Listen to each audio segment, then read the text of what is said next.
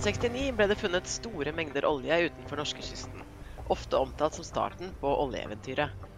Inntektene fra oljeindustrien skulle bli svært viktige for Norge. Men dette eventyret har også en bakside. Oljeutslipp til sjøs har gjort skade på både fugle- og dyrelivet i havet og langs kysten. Ettersom utbyggingen av oljeindustrien i Nordsjøen økte risikoen for forurensning, måtte myndighetene bygge opp beredskap mot oljeutslipp. Og i 1972 etablerte Norge et miljøverndepartement som det første landet i verden. Samme år ble hovedstasjonen for oljevern i Horten åpnet. I 2022 markerte vi at det er 50 år siden Norge etablerte en statlig oljevernberedskap.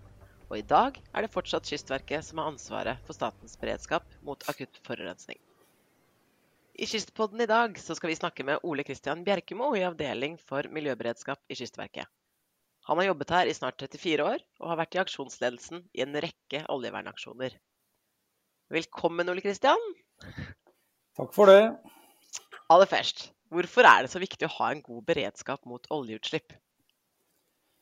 Ja, grunnen til at det er viktig, er at uh, olje kan påvirke fugl, fisk, strendene som vi bruker til å bade på eller uh, ha, uh, reke, ha, rekreasjon i, i, naturen.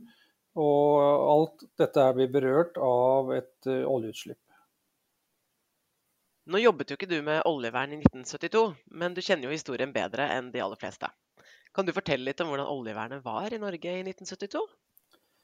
Det var veldig magert. Det, var, eh, det starta med en fortsettelse av det som heter Østlandske tankrenseanlegg, som da blei hovedstasjon for eh, oljevern i Horten.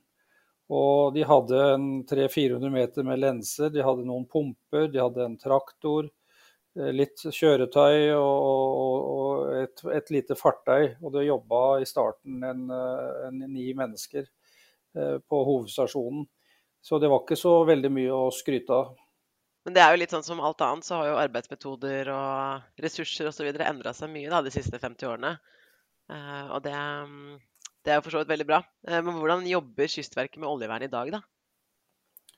Noe av det viktigste er vel at vi eh, sjøl driver mye trening.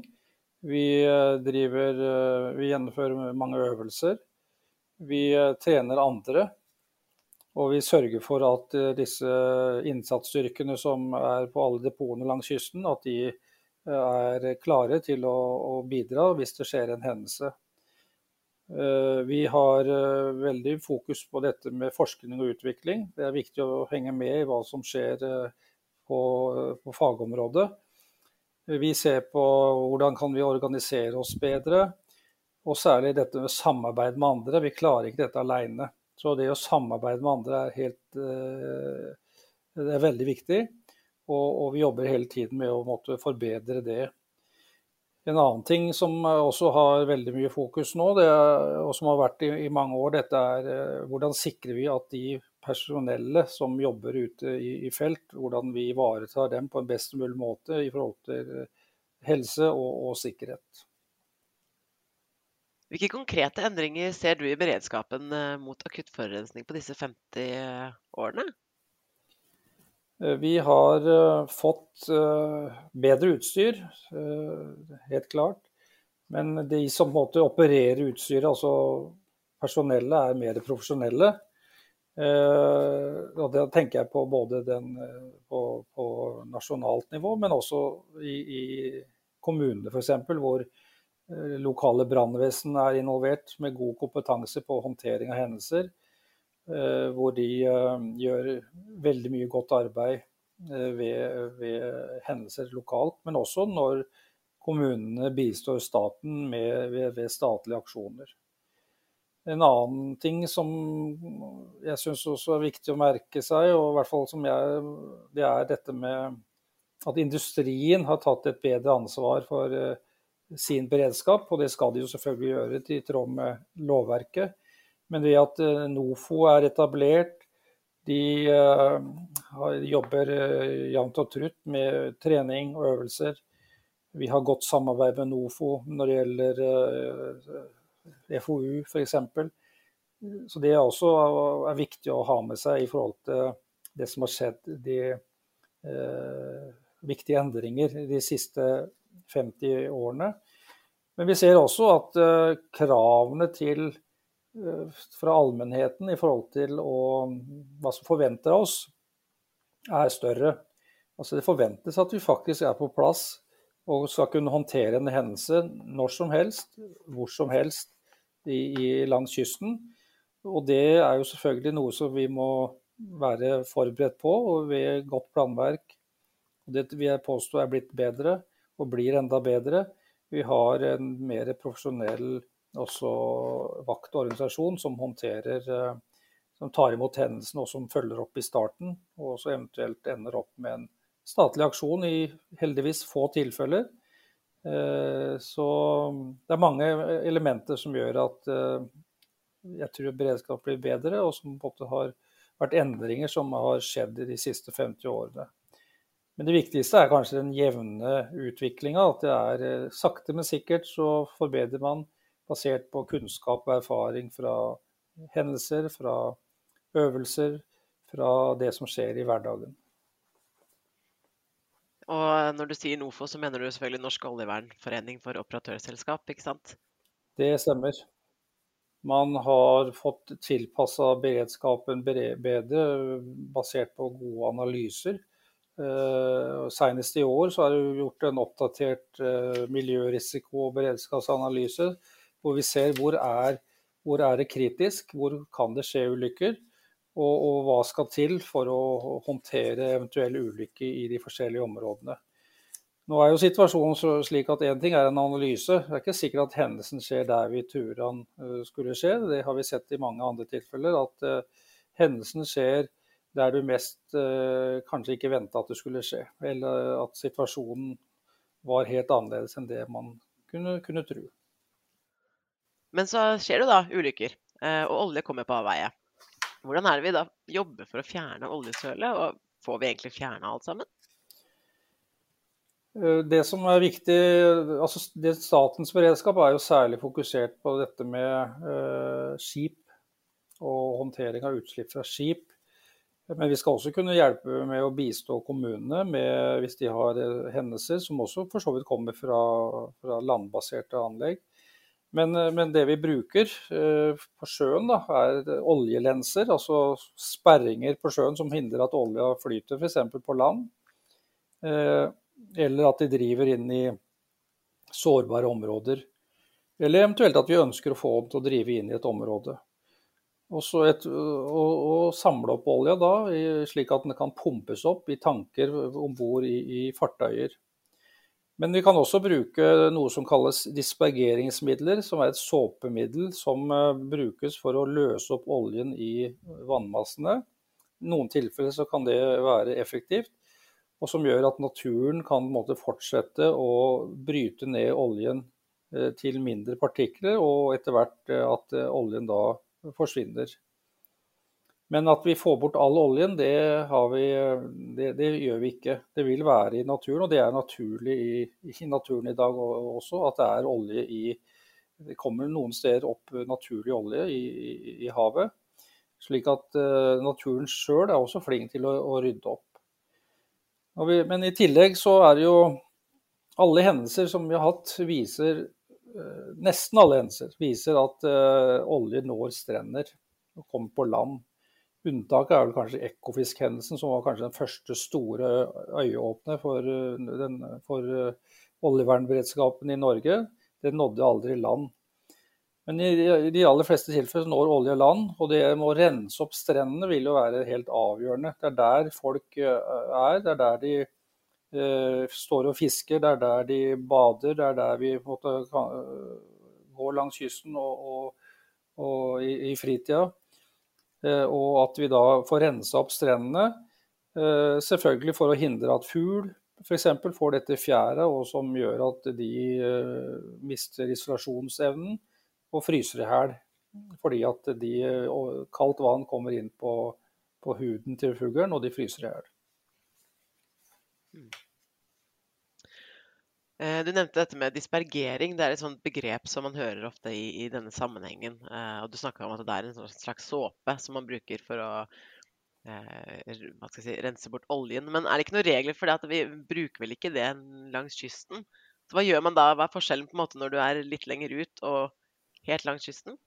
Jo, det er egne forskrifter om bruk av dispergeringsmidler. Så det er ikke noe sånn easy fix. Eh, I en båthavn f.eks. så har vi jo noen tilfeller hvor man ser en oljefilm på sjøen, eh, og så tar man på såpe, f.eks. Zalo. Eh, og det er egentlig ikke lov. Men fordi at olje som da i grunt farvann kan da påvirke organismene i, i i, sjøen, og også skade organismene i sjøen. Men når det er på dypere vann, så, vil, så kan olja da eh, vil olja lettere blande seg ut altså Den dispergerte olja vil lettere blande seg ut i vannmassene, og man får ikke samme skadevirkningen. da. Og etter hvert vil altså den naturlige nedbryting av olja skje med mikroorganismer osv. Så dispergering er jo på en måte ett av veldig mange eksempler på utviklingen av oljeberedskap, rett og slett, med forskning og mer kunnskap. Vil du si det? det? det? har skjedd veldig mye på dette med bruk av dispergeringsmidler siden starten. I starten så var nok dispergeringsmidler veldig heftige på miljøet. Og det er eh, historier om at eh, dispergering gjorde større skade enn olje sjøl. Men som sagt, det har skjedd mye ut mye på det området. Og, og staten bygger nå opp en dispergeringsberedskap fordi at vi ser at det er et, av, et viktig verktøy i verktøykassa. Ja. Men det er også noe som heter naturlig dispergering. Altså at bølger bryter ned olja eh, naturlig, slik at eh, til mindre partikler. Og som gjør at, eh, i hvert fall på noen av oljene, og som gjør at, eh, at oljen blander seg i vannmassene og etter hvert får en naturlig nedbrytning i vannmassene. Men det er avhengig av oljetyper. Et eksempel på det er jo da utslippet fra eh, et fartøy som gikk på grunn på Shetland i jeg husker ikke hvilket år, men det var et fartøy som heter Braer, en svær tankbåt som kom fra Norge. Gikk på eh, grunn på Shetland, og store mengder lakk ut. Det var tynn eh, råolje og den blanda seg i vannmassene og ble naturlig dispergert pga. det heftige været som var. Ja, ikke sant. Der er du inne på eh, et eksempel da, på eh, det vi kaller oljevernaksjoner. Eh, og du har jo vært med på flere store selv. Hva er det som har gjort mest inntrykk eller vært mest utfordrende, syns du? Og eventuelt hvorfor? Den hendelsen som har gjort størst inntrykk sånn personlig, er nok den Roknes-ulykka.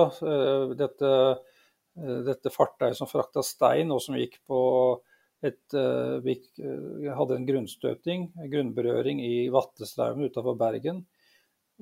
Fartøyet gikk rundt, og uh, mange omkom. Det var vel 18 stykker.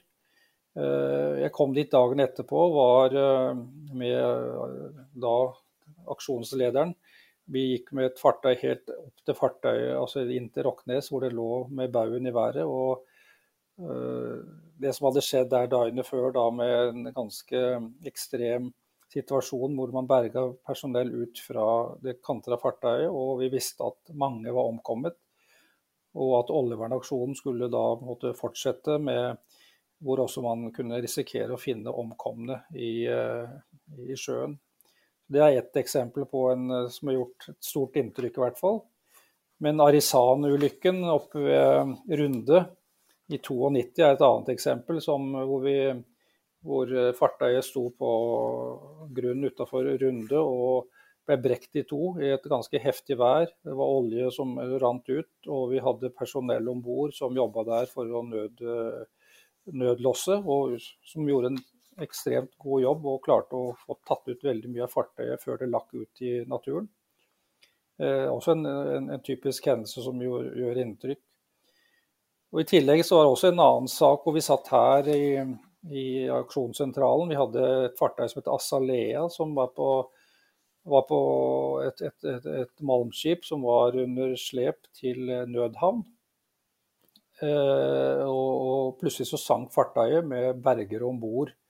Det er klart Når du sitter og får den informasjonen at nå sank fartøyet, det er personell om bord, så gjør det et inntrykk. Eh, og Det ble jo også en oljevernaksjon etter denne, denne hendelsen.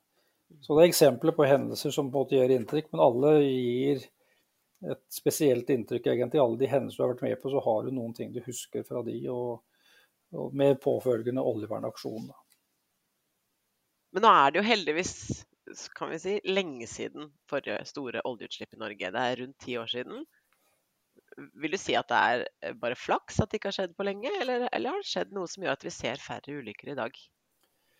Jeg tror nok at det er uh, ikke, at det ikke er flaks. Uh, altså, tidlig på 90-tallet og utover 90-tallet så var det mange dårlige fartøyer som seilte langs kysten. F.eks. malmskip. Mange av disse hendelsene vi hadde, var jo malmskip. Så det med, uh, med kontrollen av fartøyet, at det stilles krav til at fartøyene er moderne, at det er dobbelt skrog osv., er selvfølgelig viktig. Men også alt det som Kystverket gjør med tanke på å forebygge utslipp. At fartøyene f.eks. skal seile i eh, spesielle seilingsleder, i hvert fall risikofartøyer. At vi har sjøtrafikksentraler eh, som eh, overvåker skipstrafikken, og som da følger med. Og hvis de ser at et fartøy avviker fra den planlagte seilasen, så blir de kalt opp og, og for, for å sjekke om det er noe som har skjedd som gjør at de har stoppa opp. Hvis det da er en situasjon som gjør at de kanskje vil komme i vanskeligheter, at man da kan sette i verk tiltak med f.eks. å etablere eller eh, mobilisere slepefartøyer, som f.eks. Kystvakten, da, som er en del av den statlige slepeberedskapen, for å kunne Eh, bistå med å ta farta under slep. Og I så måte så er kanskje denne hendelsen med Melinda eh, eh, og utafor Senja et godt eksempel på hvor man virkelig gjorde en kjempejobb. Hvor kystvaktfartøyet Harstad fikk sleper om bord i et ganske heftig vær. Og hindra at denne Melinda, dette fartøyet Melinda gikk på grunn, med, med de mulige konsekvenser det kunne hatt. Så det viser viktigheten av å ha forebyggende tiltak, men også dette med å bruke eh, disse navigasjonshjelpemidlene som Kystverket har, er eh, ved bruk av satellittdata, AIS-data, satellitt- og AIS-data. Men selvfølgelig også den daglige jobben som losene gjør, når de måtte sikre at, eh, at fartøyene som har risikolast, at de kommer trygt fram til bestemmelsesstedet. Så det er mange tiltak som gjøres for å hindre at det skjer. Og jeg, sånn som jeg ser det, så virker jo tiltakene. Selv om noen ganger så skjer det likevel en hendelse til tross for de forskjellige tiltakene som, eh, som er på plass. Eh, hva vil du si er det viktigste Kystverket har lært om forurensning og oljevern siden starten i 1972? Eh, det vi har, i hvert fall som personer, så har, vi erfart at ulykker skjer uansett forebyggende tiltak, og ingen er like.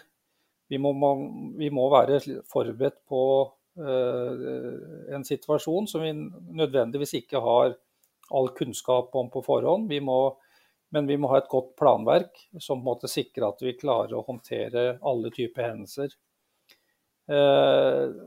Det å kunne ha en eh, rask respons, altså at vi så tidlig som mulig kan få ressurser ut for å håndtere eh, f.eks. et fartøy som eh, har gått på grunn, og hindre at olja driver langt. Altså raskt, raske tiltak ved havaristen, på havaristen, vil være ekstremt viktig, og det viser mange hendelser at klarer du det, så så er mye gjort i forhold til å begrense skadene på miljøet. Som er jo derfor vi gjør jobben. Vi skal jo begrense skadene på miljøet. Og Så ser vi også at eh, strandaksjoner, altså når olje først har kommet i stranda, så tar det veldig lang tid. Det krever mye ressurser. Både fra staten, fra kommunene, fra andre aktører som har en rolle i forbindelse med, med, med strandaksjoner. Men vi ser også at eh, ved, ved at man har gjennomført strandaksjoner, så, så, kommer naturen tilbake til normal tilstand.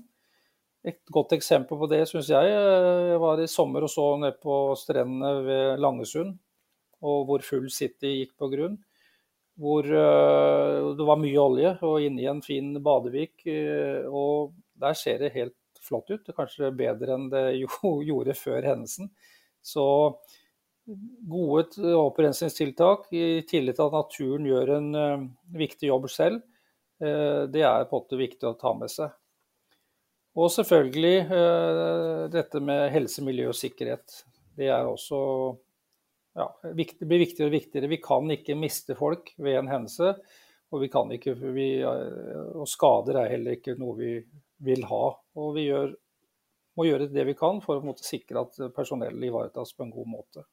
Det grønne skiftet står jo også for dør, eh, med nye energiformer bl.a. Vil du si at det vil være behov for en oljevernberedskap om 50 år, eller ser du for deg noe helt annet enn det vi har i dag? Ja, Det er et uh, vanskelig spørsmål å svare på. Det vi ser er jo at uh, oljevernberedskapen i dag må allerede tilpasse seg det grønne skiftet. Et eksempel på det er jo at uh, Den internasjonale sjøfartsorganisasjonen har beslutta nye regler for luftutslipp fra skip. Det har jo da selvfølgelig industrien tatt til seg, og de har jo da som følge av det eh, så produseres det noen nye drivstofftyper som møter disse utfordringene. Altså hvor man sikrer at, ikke, at skipene ikke slipper ut mer av, avgasser, for å si det sånn, eh, til luft. Eh, helt i tråd med det regelverket. Men det vi da ser, det er at dette løser kanskje ett problem, men har skapt større øh, og nye utfordringer for, for øh, oljevernberedskapen. Fordi noen av disse nye oljene de opptrer eh, helt annerledes enn de tradisjonelle tungoljene som vi har vært involvert i. Og I så måte så vil jeg påstå at Kystverket, Norge er i førersetet i, i, verden når det gjelder Eh, hvordan vi skal på en måte håndtere denne type ulykker ved at vi gjort, eh, er med i, og leder større forskningsprosjekter. Og, IMAROS-prosjektet, et EU-finansiert prosjekt hvor eh, Norge sammen med, med fem andre land eh, har gjennomført både testing eh, og eh, forskning på hvordan skal vi håndtere eh, hendelser med disse nye oljene. Og det er identifisert mange, mange, utfordringer som man må jobbe videre med. Så det er ett eksempel på å møte det, eh, utfordringer som følge av det grønne skiftet. Men det har også vært hendelser eh, med batterifartøyer som ser at her er det helt andre problemstillinger. Eh, det er andre som vi må samarbeide med. Det er kanskje mer liv, helse enn en, en akkurat håndtering av eh, utslipp fra, fra fartøyet. Eh, liv, helse, det er evakuering av personell. Hvordan skal man håndtere, slukke en brann f.eks. i et, et fartøy med, med, batterier. Som er utfordrende. Det ser vi når Teslaen brenner på veien, så er det ganske heftig. Eh, men det er også andre drivstofftyper som kommer, og det skjer en rivende utvikling. Og eh, vi må følge med hva som skjer, og hvordan, eh, hva som skjer ikke bare i Norge, men andre steder i verden. Og Derfor så er det viktig at vi har samarbeid internasjonalt. Lærer hva, av andre. Hva er det de naboene våre gjør, hva er det andre land gjør for å måte, møte de nye utfordringene, slik at vi ikke sitter alene og prøver å finne ut hva som hva som er, eh, hva som er utfordringen.